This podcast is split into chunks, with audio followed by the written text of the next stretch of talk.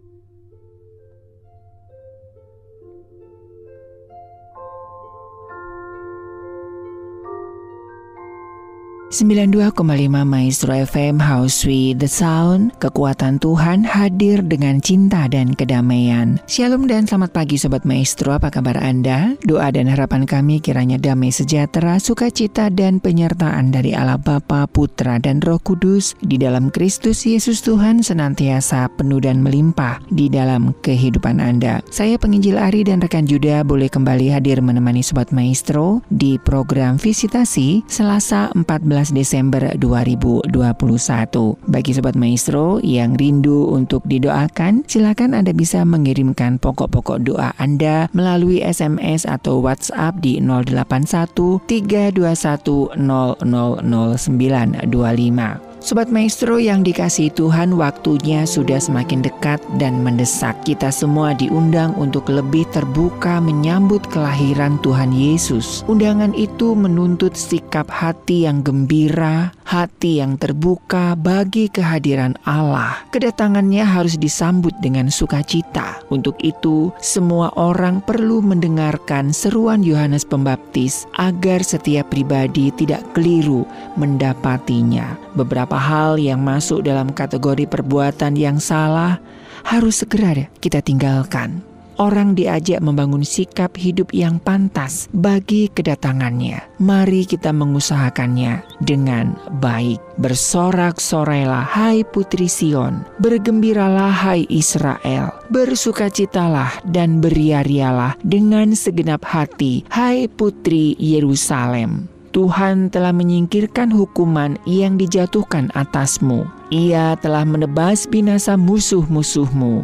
Raja Israel, yakni Tuhan, ada di tengah-tengahmu. Engkau tidak akan takut kepada malapetaka lagi. Pada hari itu akan dikatakan kepada Yerusalem, "Jangan takut, hai Sion, janganlah tanganmu menjadi lemah lunglai." Tuhan Allahmu ada di tengah-tengahmu sebagai pahlawan yang memberi kemenangan. Ia bersukaria karena engkau. Ia memperbaharui engkau dalam kasihnya dan ia bersorak gembira karena engkau seperti pada pertemuan raya.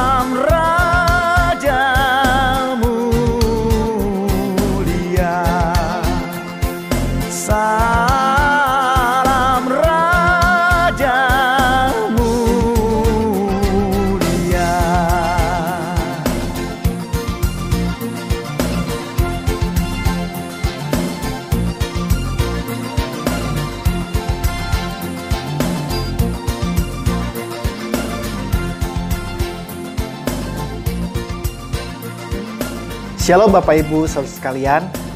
Saat ini kita sudah masuk ke dalam minggu ketiga masa Advent ya. Bagian firman Tuhan yang akan saya bagikan dalam masa Advent atau minggu Advent ini diambil dari kitab Lukas. Lukas pasalnya yang kedua ayatnya yang ke-14. Saya akan bacakan. Kemuliaan bagi Allah di tempat yang maha tinggi dan damai di bumi di antara manusia yang berkenan kepadanya.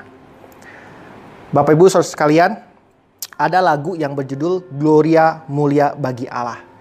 Lagu ini hampir dinyanyikan setiap uh, memperingati Natal begitu ya. Nah, lagu ini sebenarnya diambil dari kitab Lukas 2 ayat 14. Kemuliaan bagi Allah di tempat yang maha tinggi dan damai sejahtera di bumi di antara manusia yang berkenan kepadanya. Bapak Ibu ketika kita menyanyikan lagu ini tentu kita familiar dan kita sudah terbiasa menyanyikannya.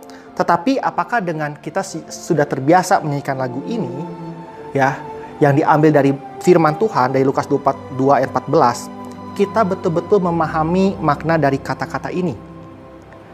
Nah, saudaraku di dalam kehidupan kerohanian ada semacam familiaritas terhadap hal-hal rohani yang sering kita lakukan. Yang pada akhirnya sadar atau tidak itu dapat membuat kerohanian kita menjadi monoton karena sudah terlalu biasa, ya. Nah, Coba kita membaca secara perlahan-lahan bagian firman Tuhan yang kita renungkan pada hari ini. Kemuliaan bagi Allah di tempat yang maha tinggi dan damai sejahtera di bumi di antara manusia yang berkenan kepadanya. Coba kita baca perlahan-lahan ayat ini berkali-kali seperti kita pertama kali membacanya.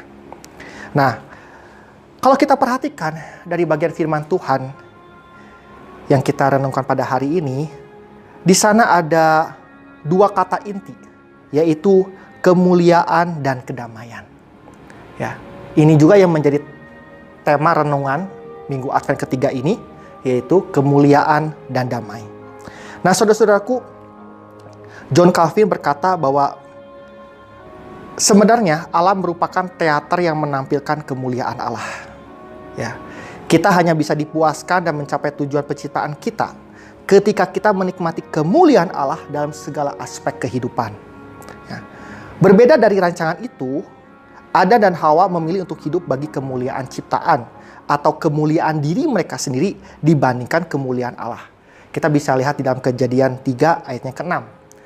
Nah Bapak Ibu sejak kejatuhan yang mengerikan tersebut terjadi peperangan kemuliaan yang terus menerus dalam hati manusia. Kita tidak selalu hidup bagi kemuliaan Allah dan ada kalanya kita terjebak dalam pengejaran kemuliaan diri sendiri. Bahkan sebagian orang mencari kemuliaan dalam bentuk harta kekayaan, prestasi, kinerja, jam terbang, atau kemewahan, dan lain sebagainya. Sebagian lagi menggantikan kemuliaan Tuhan dengan kepuasan instan terhadap berbagai kebutuhan daging. Dan semua manusia mencari kemuliaan tetapi cenderung pada tempat yang salah dan tujuan yang salah. Ayat perenungan kita berbunyi kemuliaan bagi Allah di tempat yang maha tinggi. Bayangkan jika seluruh manusia di dalam dunia hidup dengan cara itu. Bayangkan apa rasanya hidup di dunia yang semua hati manusianya, saya dan saudara dikendalikan dan dipimpin oleh kemuliaan Allah. Tidak akan ada lagi peperangan, tidak ada lagi kemiskinan, tidak akan ada lagi perceraian atau pembunuhan dan kejahatan lainnya. Tetapi keadaan ini sungguh jauh dari realita dunia kita hari ini. Kita hidup di dalam dunia yang orang-orangnya berpusat pada memuliakan diri tersendiri. Termasuk juga di dalam bergereja. Kata inti kedua yang muncul dalam ayat ini adalah kedamaian. Damai sejahtera di bumi di antara manusia yang berkenan kepadanya. Bapak Ibu manusia tidak hanya diciptakan untuk hidup bagi kemuliaan Allah, tetapi juga untuk hidup di dalam sebuah perdamaian dengan Allah. Kita diciptakan untuk hidup di dalam mempunyai hak istimewa menjadi sahabat Allah yang taat dan selalu menyembah Dia. Adalah mengerikan ketika Allah datang mencari manusia untuk bersekutu dengannya, tetapi manusia malah bersembunyi di dalam rasa malu dan rasa bersalah karena dosa. Bapak Ibu, perdam, perdamaian manusia dengan Allah telah hancur berkeping-keping. Bapak Ibu kata shalom atau damai dalam perjanjian lama itu menggambarkan sesuatu yang jauh lebih mendalam daripada sekedar ketiadaan konflik. Kata shalom tersebut menggambarkan segala sesuatu berada dalam urutan dan ketentuan yang seharusnya dan bisa bekerja sebagaimana segala sesuatunya dirancang sejak semula. Perdamaian dengan Allah sejatinya menghasilkan kedamaian di dalam hati kita. Tetapi kenyataannya kita lebih banyak hidup di dalam kemarahan, kecemasan, frustasi, depresi, atau ketiadaan harapan. Hati kita bergumul untuk mencari ketenangan, pertuduhan, dan bahkan kedamaian. Semua ini disebabkan oleh apa? Karena kerusakan dalam perdamaian manusia dengan Allah. Selain itu, perdamaian dengan Allah juga berarti perdamaian dengan sesama manusia. Ketika kita tidak hidup dalam perdamaian dengan Allah, kita juga tidak berdamai dengan diri sendiri, akan sulit bagi kita untuk hidup dalam perdamaian dengan orang lain, dengan sesama kita. Kehidupan kita akan ditandai dengan banyak konflik. Perdamaian kita dengan orang lain itu sulit untuk diupayakan. Maka bayangkan ketika dunia berjalan seperti ayat renungan kita hari ini dan damai di bumi Bayangkan apa jadinya dunia ini ketika semua orang hidup dalam perdamaian. Bayangkan apa jadinya dunia ini ketika semua hati berdamai dengan Allah, berdamai dengan dirinya, dan berdamai dengan sesamanya. Tak akan ada lagi yang namanya perang, kemiskinan, perceraian, atau pembunuhan. Tidak akan ada lagi kejahatan. Tetapi keadaan ini sungguh jauh dari realita dunia kita hari ini. Manusia tidak hidup dalam perdamaian dengan Allah. Diri sendiri, apalagi sesamanya dan dengan demikian hati yang gelisah terus saling mencari dan saling melukai. Kenyataannya kita melihat bahwa manusia memiliki masalah yang terbesar yaitu masalah hati Bapak Ibu sekalian. Hati manusia tidak penuh di dalam kemuliaan Allah. Hati manusia tidak hidup di dalam perdamaian dengan Allah sebagaimana ia seharusnya dirancang. Memang keadaan dunia ini mengerikan. Masalah dalam keluarga, keuangan, dan seksualitas juga menyulitkan. Tetapi masalah terbesar di balik semuanya itu adalah hati kita yang telah hancur dan rusak. Itu sebabnya Daud benar ketika berdoa di dalam Mazmur 51 ayat yang ke-12. Jadikanlah hatiku tahir, ya Allah, dan perbaruilah batinku dengan roh yang teguh. Apa yang kita butuhkan adalah perubahan hati yang personal, radikal, dan permanen Bapak Ibu sekalian, ayat yang menjadi pujian malaikat ini dinyanyikan ketika menyambut kelahiran bayi Yesus. Tetapi maknanya jauh lebih mendalam. Kata-kata dari ayat ini mengungkapkan kebutuhan terdalam kita manusia dan misi Kristus yang memenuhinya. Apa yang Yesus lakukan di dalam kelahirannya menggenapkan nubuatan yang telah diberikan sebelumnya kepada Nabi Yeskiel. Di dalam Yeskiel, Yeskiel 36 ayat 36 kamu akan kuberikan hati yang baru dan roh yang baru di dalam batinmu. Dan aku akan menjauhkan dari tubuhmu hati yang keras dan kuberikan kepadamu hati yang taat. Hal lain yang ditunjukkan dalam ayat pujian malaikat ini adalah harga yang harus dibayar Kristus dalam menjalankan misinya ini. Hal ini termuat dalam frasa yang terakhir. Di antara manusia yang berkenan kepadanya. Atau dapat juga diterjemahkan, di antara manusia yang kepadanya anugerah itu diberikan satu-satunya harapan bagi perdamaian manusia dengan Allah adalah anugerah Allah itu sendiri. Yang hanya dapat datang kepada manusia melalui kematian Yesus Kristus. Kita tidak akan pernah memahami betapa berharganya bayi Yesus Kristus sampai kita benar-benar memahami bahwa bayi yang datang itu adalah anak domba Allah yang akan disembelih bagi penembusan dosa seluruh dunia. Ayat pujian dari para malaikat ini mengungkapkan kemuliaan Allah, penebusan kita dan juga kebutuhan kita yang terus-menerus akan anugerah Allah.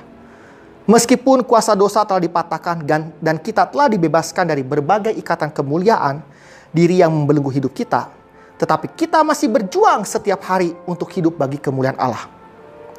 Dan meskipun harga yang penuh sudah dibayarkan Kristus, sehingga kita beroleh kedamaian dengan Allah, tetapi kita tetap berjuang setiap hari untuk hidup bersekutu dengan Allah, menerima diri sendiri, dan berelasi dengan orang lain. Nah, Bapak Ibu, saya harap di dalam masa Advent ini, ingatlah bahwa kelahiran Kristus membebaskan Anda dan saya dari kehidupan di dalam kemuliaan diri yang sia-sia dan mengundang Anda untuk hidup di dalam kepenuhan kemuliaan Allah. Dan ingatlah bahwa kelahiran Kristus tidak hanya memberikan kedamai kekal antara diri kita atau Anda dengan Allah, tetapi juga memampukan kita hidup dalam perdamaian dengan diri sendiri dan sesama kita.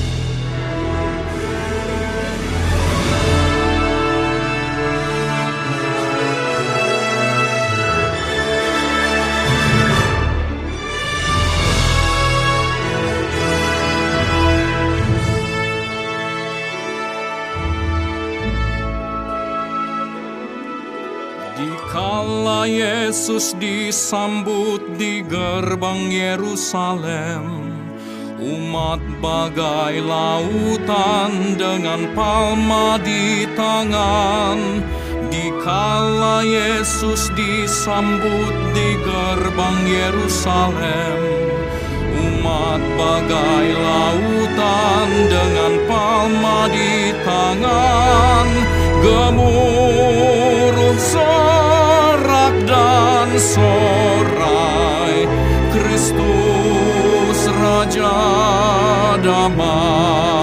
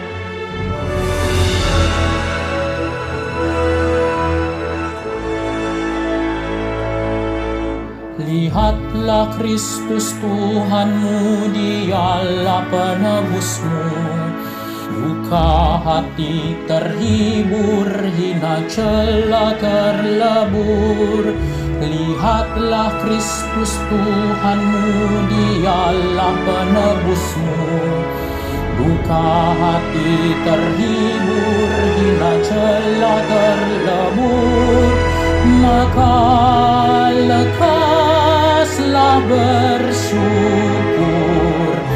Luhurkan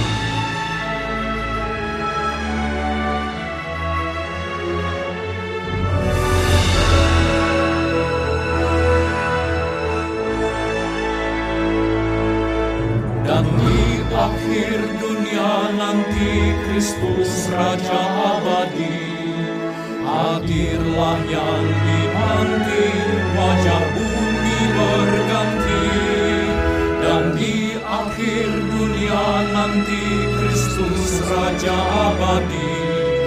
Hadirlah yang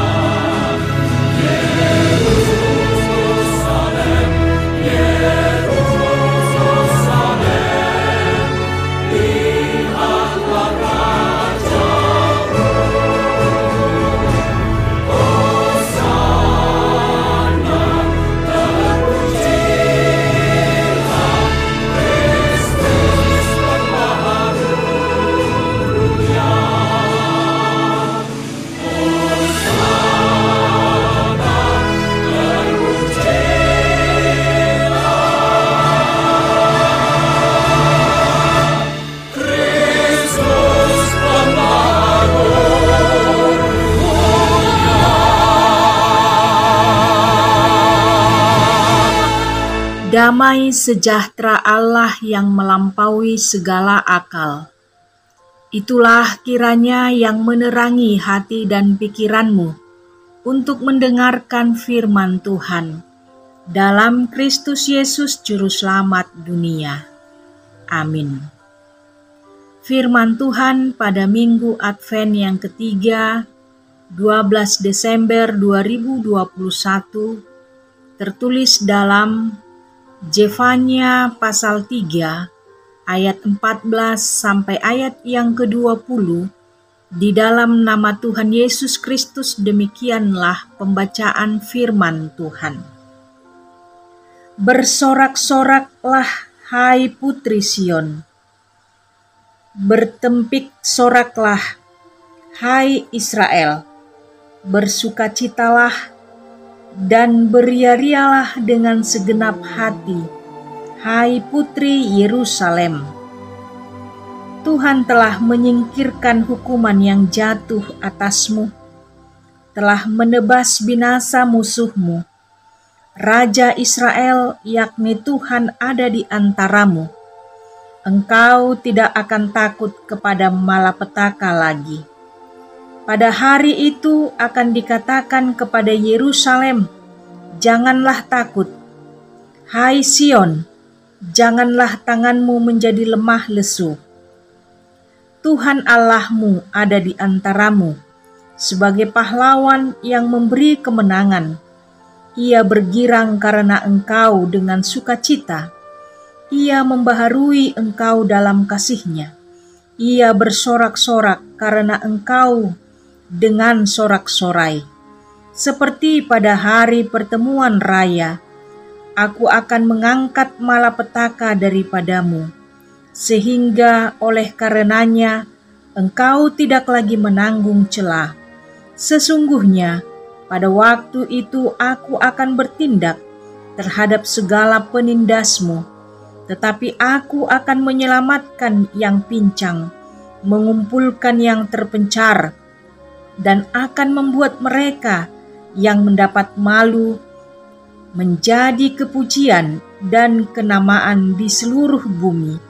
Pada waktu itu, aku akan membawa kamu pulang, yakni pada waktu aku mengumpulkan kamu, sebab aku mau membuat kamu menjadi kenamaan dan kepujian di antara segala bangsa di bumi dengan memulihkan keadaanmu di depan mata mereka, firman Tuhan. Demikianlah pembacaan firman Tuhan. Saudara-saudari yang terkasih, adapun yang menjadi topik dari khotbah ini adalah bersukacitalah Tuhan ada di antara kita. Tidak terasa kita memasuki minggu Advent yang ketiga. Tentu saja umat beriman sudah mempersiapkan diri, baik jasmani dan rohani, untuk menyambut kelahiran Yesus Kristus, Sang Juru Selamat. Kita diajak menyambut dengan bersukacita. Mother Teresa, biarawati Katolik asal Roma, yang mengabdikan hidupnya di India pernah berkata, "Cara terbaik untuk menunjukkan rasa syukur saya kepada Tuhan adalah menerima segalanya, bahkan masalah saya, dengan sukacita." Sedangkan Kalbart, teolog asal Swiss, juga pernah berkata, "Sukacita adalah bentuk sederhana dari rasa syukur." Sebab bagaimana kita bisa bersuka cita? Ketika kita diperhadapkan dengan situasi yang sulit dan penderitaan. Namun ketika kita menerima situasi hidup kita itu dengan ucapan syukur kepada Tuhan dan memahami situasi sulit dan penderitaan itu sebagai proses menuju akhir yang baik, maka kita bisa melangkah dan menjalaninya dengan penuh semangat, dengan pengharapan dan sukacita. Mengapa kita bersukacita? Perikop ini mengatakan karena Tuhan Allahmu ada di antaramu sebagai pahlawan yang memberi kemenangan dan memperbarui kita umatnya dalam kasihnya. Jadi, kita bersuka cita karena Tuhan hadir di tengah-tengah kita dan memperbarui kita dengan kasihnya, bukan dengan penghakiman dan penghukumannya, tetapi dengan kasihnya. Kasih itu dinyatakan melalui kehadirannya. Bukankah kita juga demikian? kita akan hadir dan ada untuk orang-orang yang kita kasihi.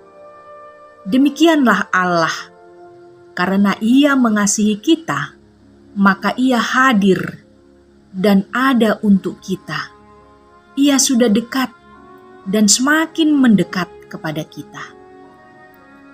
Saudara-saudari yang terkasih, bangsa Yehuda di dalam Jevanya 1 menunjukkan kehidupan spiritual yang sangat merosot. Bangsa Israel sedang berada dalam kehidupan spiritual yang buruk akibat pemerintahan Raja Manasye dan Amon dengan agama sinkritisme, pencampuran penyembahan kepada Tuhan dan penyembahan berhala. Raja Manasye dan anaknya Raja Amon melakukan apa yang benar-benar jahat di mata Tuhan.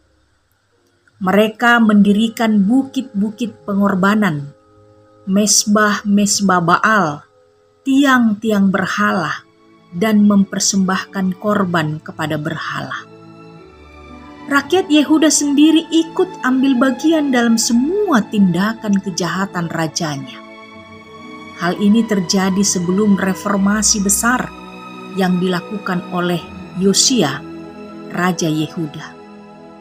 Melihat keburukan spiritual seperti ini, Jevanya tampil menyerukan bahwa hari Tuhan akan datang dan menghukum mereka semua yang telah meninggalkan Tuhan. Maka ada dua pesan inti kitab Jevanya. Yang pertama, memberitahukan hari Tuhan akan segera tiba.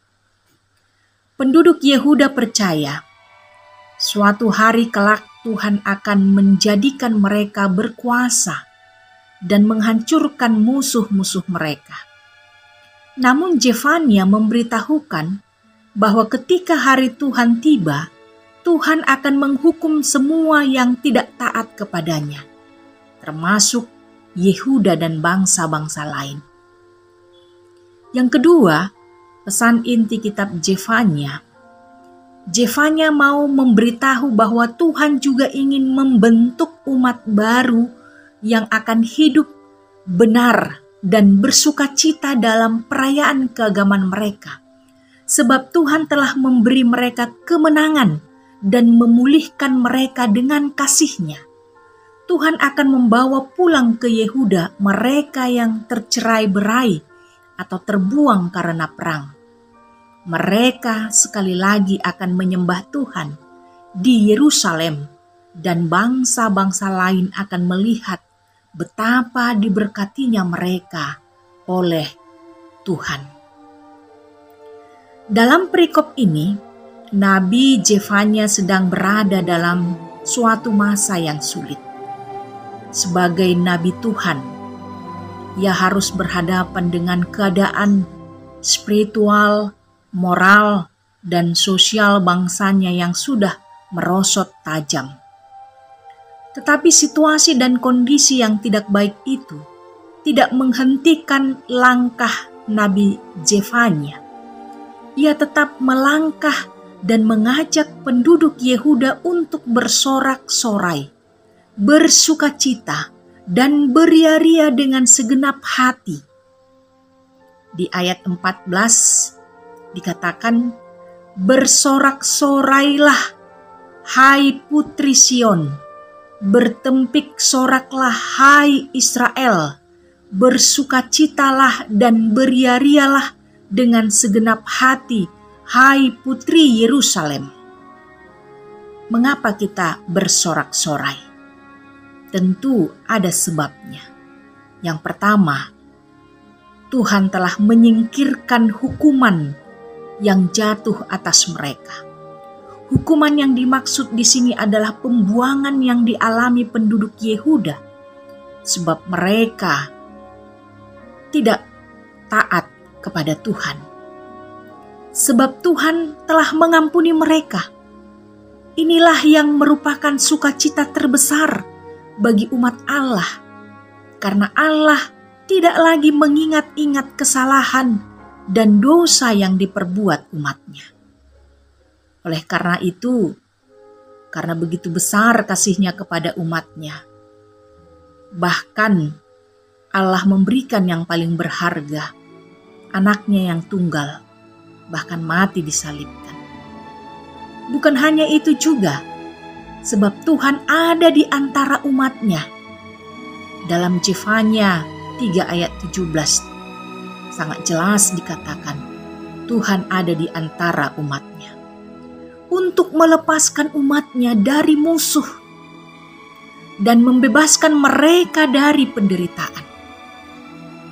Yang kedua, Tuhan telah menebas binasa semua musuh mereka. Tuhan datang sebagai pahlawan yang memberi kemenangan.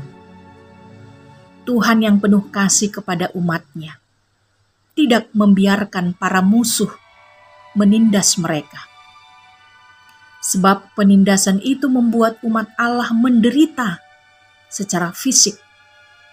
Pembuangan itu membuat umatnya terpencar. Maka dengan kasihnya, Tuhan sendiri yang akan mengumpulkan semua umat yang terpencar, yang tercerai-berai, dan membawanya pulang ke Yerusalem. Tuhan sendiri yang akan bertindak terhadap penindasnya dan Tuhan akan memulihkan umatnya dengan memberi kenamaan dan kepujian. Apa yang bisa dikatakan dan dilakukan seseorang untuk mengubah hati, pikiran, dan tindakan orang-orang yang paling berpengaruh di masyarakat? Tentu bersenjatakan firman Allah seperti yang dilakukan Nabi Jefanya kepada penduduk Yehuda yang sudah menduakan Tuhan, bahkan meninggalkan Tuhan. Seruan pertobatan yang disampaikan oleh Nabi Jefanya mendapat dukungan dari Raja Yosia yang langsung mereformasi segala yang tidak baik dalam kehidupan bangsanya. Jiwa reformasi Raja Yosia telah membawa perubahan dan pembaharuan dalam kehidupan spiritual, moral, dan sosial umatnya. Reformasi Yosia membawa umat kembali menyembah Tuhan dan menghancurkan, membuang berhala-berhala yang pernah mereka sembah dan mengubah karakter mereka yang selama ini mengabaikan kebenaran. Saudara-saudari yang terkasih dalam Kristus Yesus, kita sudah memasuki minggu Advent yang ketiga. Perayaan kelahiran Yesus Kristus sudah semakin dekat. Belajar dan mengikuti seperti yang dilakukan Yosia, yang menghancurkan segala patung berhala dan mesbah-mesbah korban menunjukkan Yosia sangat membenci dosa dan ia sangat mengasihi Allah.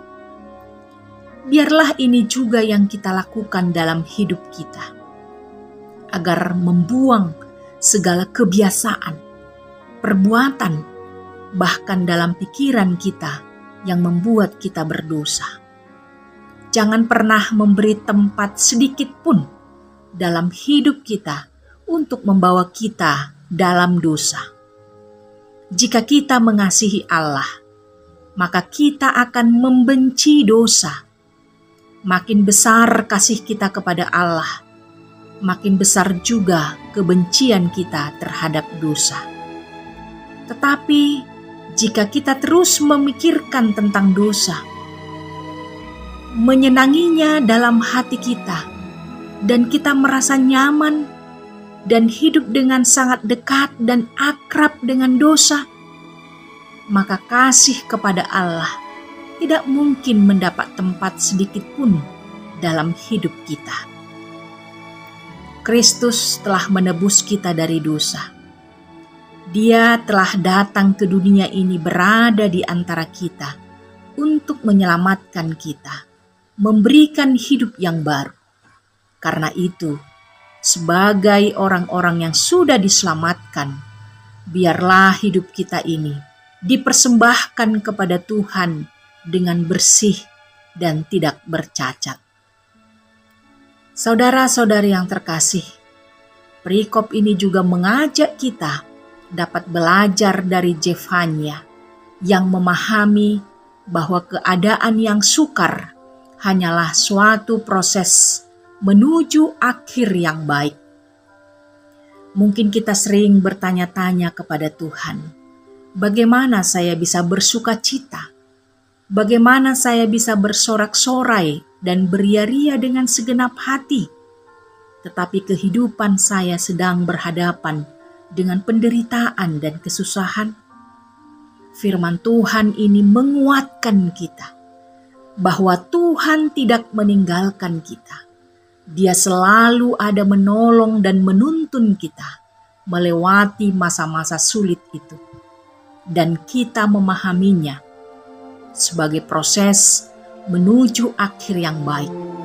Dengan demikian, di dalam situasi dan kondisi yang sulit, kita masih tetap memiliki pengharapan dan sukacita untuk terus melangkah maju untuk menyambut Tuhan Yesus yang lahir dalam hati keluarga kita, dalam kehidupan kita berbangsa dan bernegara.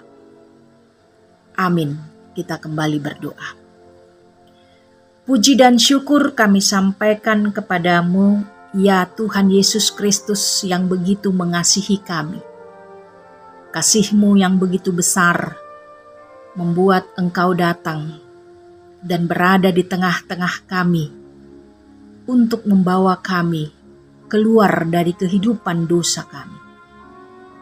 Kami bersyukur Tuhan, Engkau memberikan hidup yang baru bagi kami.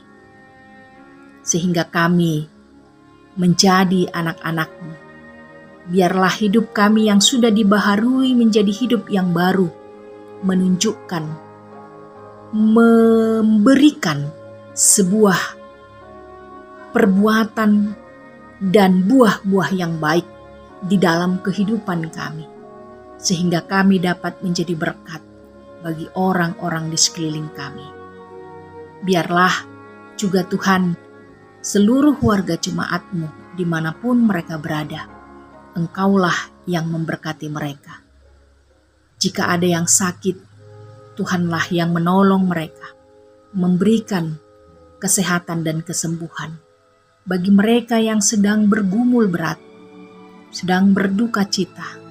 Tuhanlah yang memberikan kekuatan dan penghiburan agar mereka juga dapat bersuka cita, bersorak-sorak, beria-ria dengan segenap hati di dalam kehidupannya. Terpujilah Engkau, ya Tuhan, hari ini, esok, dan sampai selama-lamanya. Sungguh kami mengucap syukur ya Tuhan untuk kidung-kidung pujian, untuk firman Tuhan yang sudah kami renungkan. Sungguh mengingatkan kami, kami adalah umat-umat yang berbahagia. Kami bersuka cita oleh karena pengharapan kami kepada Allah yang kekal, bukan kepada manusia bukan kepada sesuatu yang fana, bukan kepada sesuatu yang tidak kelihatan, tetapi kepada Allah yang kekal, Pencipta langit dan bumi. Dan kami mengucap syukur ya Tuhan, Engkau menghadirkan Alkitab firman-Mu yang berisi begitu banyak janji-janji kepada kami. Namun sering kali kami melalaikannya, bahkan mengabaikannya ya Tuhan. Kami lebih mengikuti kehendak kami sendiri daripada mengikuti tuntunanmu. Namun pagi hari ini ya Tuhan, kami boleh diingatkan kembali oleh firman-Mu. Dan biarlah kami boleh kembali kepada pelukan anugerah-Mu ya Tuhan. Dan kembali pada pengharapan yang kekal di dalam Yesus Kristus Tuhan. Pagi hari ini kembali ya Tuhan kami berdoa, membawa pokok-pokok doa yang sudah dikirimkan sobat-sobat maestro baik di kota Bandung ataupun di luar kota Bandung ataupun sobat-sobat maestro yang tidak sempat mengirimkan pokok-pokok doa namun pagi hari ini sedang bersama-sama dengan kami baik dalam permasalahan kesehatan, dalam permasalahan keuangan, dalam permasalahan hutang piutang, dalam permasalahan pembayaran, permasalahan suami istri, permasalahan keluarga, permasalahan dengan anak-anak, permasalahan dengan studi, permasalahan dengan masa depan mereka, permasalahan dengan ketakutan-ketakutan di tengah-tengah kami menjalani kehidupan. Kami percaya ya Tuhan, Engkau mengerti. Di mana pun sobat-sobat maestro pagi hari ini berada dan sedang bersama-sama dengan kami, Maria Allah Roh Kudus Engkau bekerja menjamah setiap sobat-sobat maestro, memberikan kekuatan, memberikan semangat, penghiburan, dan pengharapan yang teguh di dalam Tuhan. Bagi sobat-sobat maestro yang sedang berbaring sakit, yang sedang dirawat, baik di rumah ataupun di rumah sakit, kami percaya pagi hari ini kuasa Tuhan tidak terbatas. Tuhan mampu menyembuhkan dan memulihkan sobat-sobat maestro yang sakit jantung, yang sakit paru-paru, sakit ginjal, cuci darah, kanker, kornea mata, katarak, ada gangguan penglihatan, gangguan syaraf di dalam tubuh mereka, gangguan dalam saluran pencernaan, lambung, dan apa pun sakit penyakit Sobat Maestro ini ya Tuhan, kiranya Tuhan boleh menjamah. Di dalam nama Tuhan kami Yesus Kristus, Tuhan menyembuhkan dan memulihkan mereka. Secara khusus juga kami berdoa untuk sobat-sobat maestro yang sudah bertahun-tahun mengalami sakit stroke, mengalami asam lambung, mengalami depresi. Pagi hari ini damai sejahtera Tuhan yang melampaui segala akal pikiran manusia kiranya memenuhi sobat-sobat maestro. Dan kami tahu, kami yakin ya Tuhan, ketika Tuhan hadir, ketika Tuhan ada, Tuhan akan melakukan perbuatan-perbuatan yang besar Biarlah pagi hari ini ya Tuhan di mana pun sobat-sobat maestro ini berada Ketika mendengarkan firman Tuhan yang sudah disampaikan, biarlah iman mereka timbul dan biarlah mereka boleh mengharapkan sesuatu yang besar yang daripada Tuhan. Bukan karena kehendak kami, tetapi karena kehendak mulah yang jadi. Begitu juga dengan sobat-sobat maestro yang bergumul dengan kerinduannya untuk mendapatkan anak ya Tuhan. Mungkin sudah lelah, sudah capek mendengar omongan orang kiri kanan ataupun juga merasa bersalah ya Tuhan. Sebagaimana dengan Hana Kiranya Tuhan juga boleh mendengar seruan daripada anak-anakmu ini ya Tuhan. Kami percaya anak adalah anugerah daripada Tuhan. Anak adalah milikmu. Kiranya Tuhan boleh memberikan kepercayaan, anugerah bagi sobat-sobat maestro yang merindukan hadirnya sang buah hati. Tuhan boleh membuka kandungan mereka ya Tuhan. Dan Tuhan boleh menyatakan kuasamu kepada sobat-sobat maestro. Begitu juga dengan sobat-sobat maestro dengan sakit mata,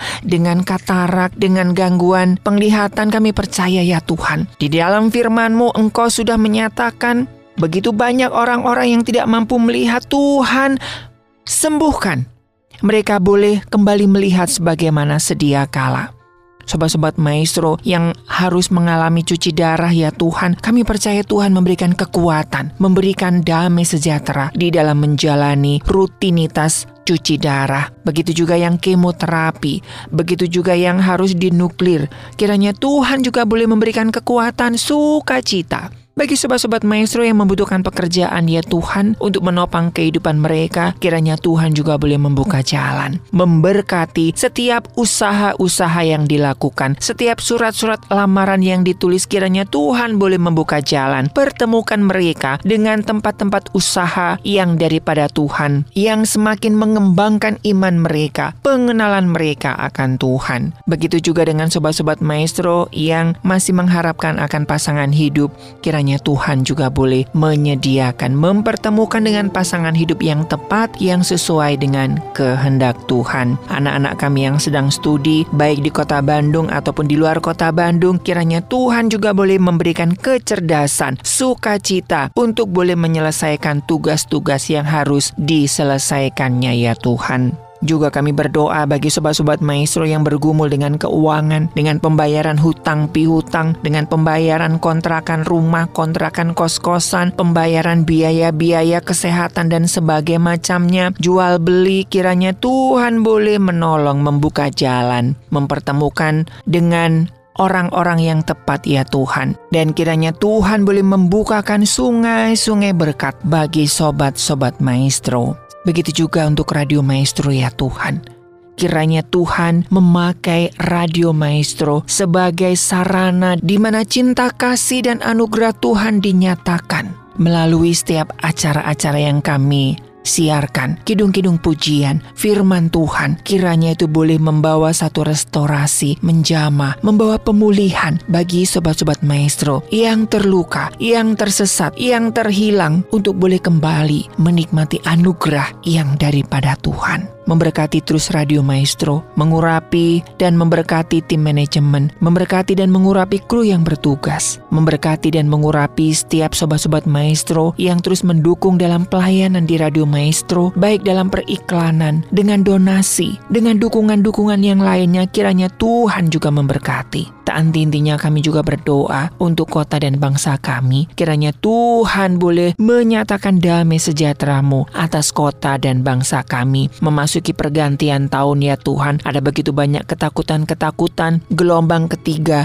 Sebagaimana yang dialami oleh negara-negara di Eropa dan negara-negara tetangga. Kiranya Tuhan menjagai melindungi kota dan bangsa kami. Memakai tim medis, TNI, Polri, aparat kepemerintahan, dari Bapak Presiden presiden hingga aparat desa, kiranya Tuhan juga boleh menolong, Tuhan juga boleh memberkati. Terima kasih ya Tuhan. Inilah seruan doa dan syukur kami. Hanya kami alaskan di dalam satu nama Tuhan kami Yesus Kristus, Sang Sumber pengharapan kami yang hidup. Mari kita angkat tangan di hadapan Bapa di sorga dan terimalah berkat Tuhan. Segala berkat kasih karunia daripada Allah Bapa di sorga, rahmat cinta kasih yang berlimpah-limpah dari Tuhan Yesus Kristus di dalam persekutuan yang manis dengan roh Allah yang kudus turun atas kehidupan kami, menyertai langkah hidup kami, memberkati kami saat ini sampai selama-lamanya. Amin. Dari Geraha Maestro Jalan Kaca Piring 12 Bandung, saya penginjil Ari dan rekan Yuda mengundurkan diri. Jangan pernah ragu menjalani hidup karena Tuhan selalu beserta kita. Selamat siang, selamat melanjutkan aktivitas Anda dan Tuhan memberkati.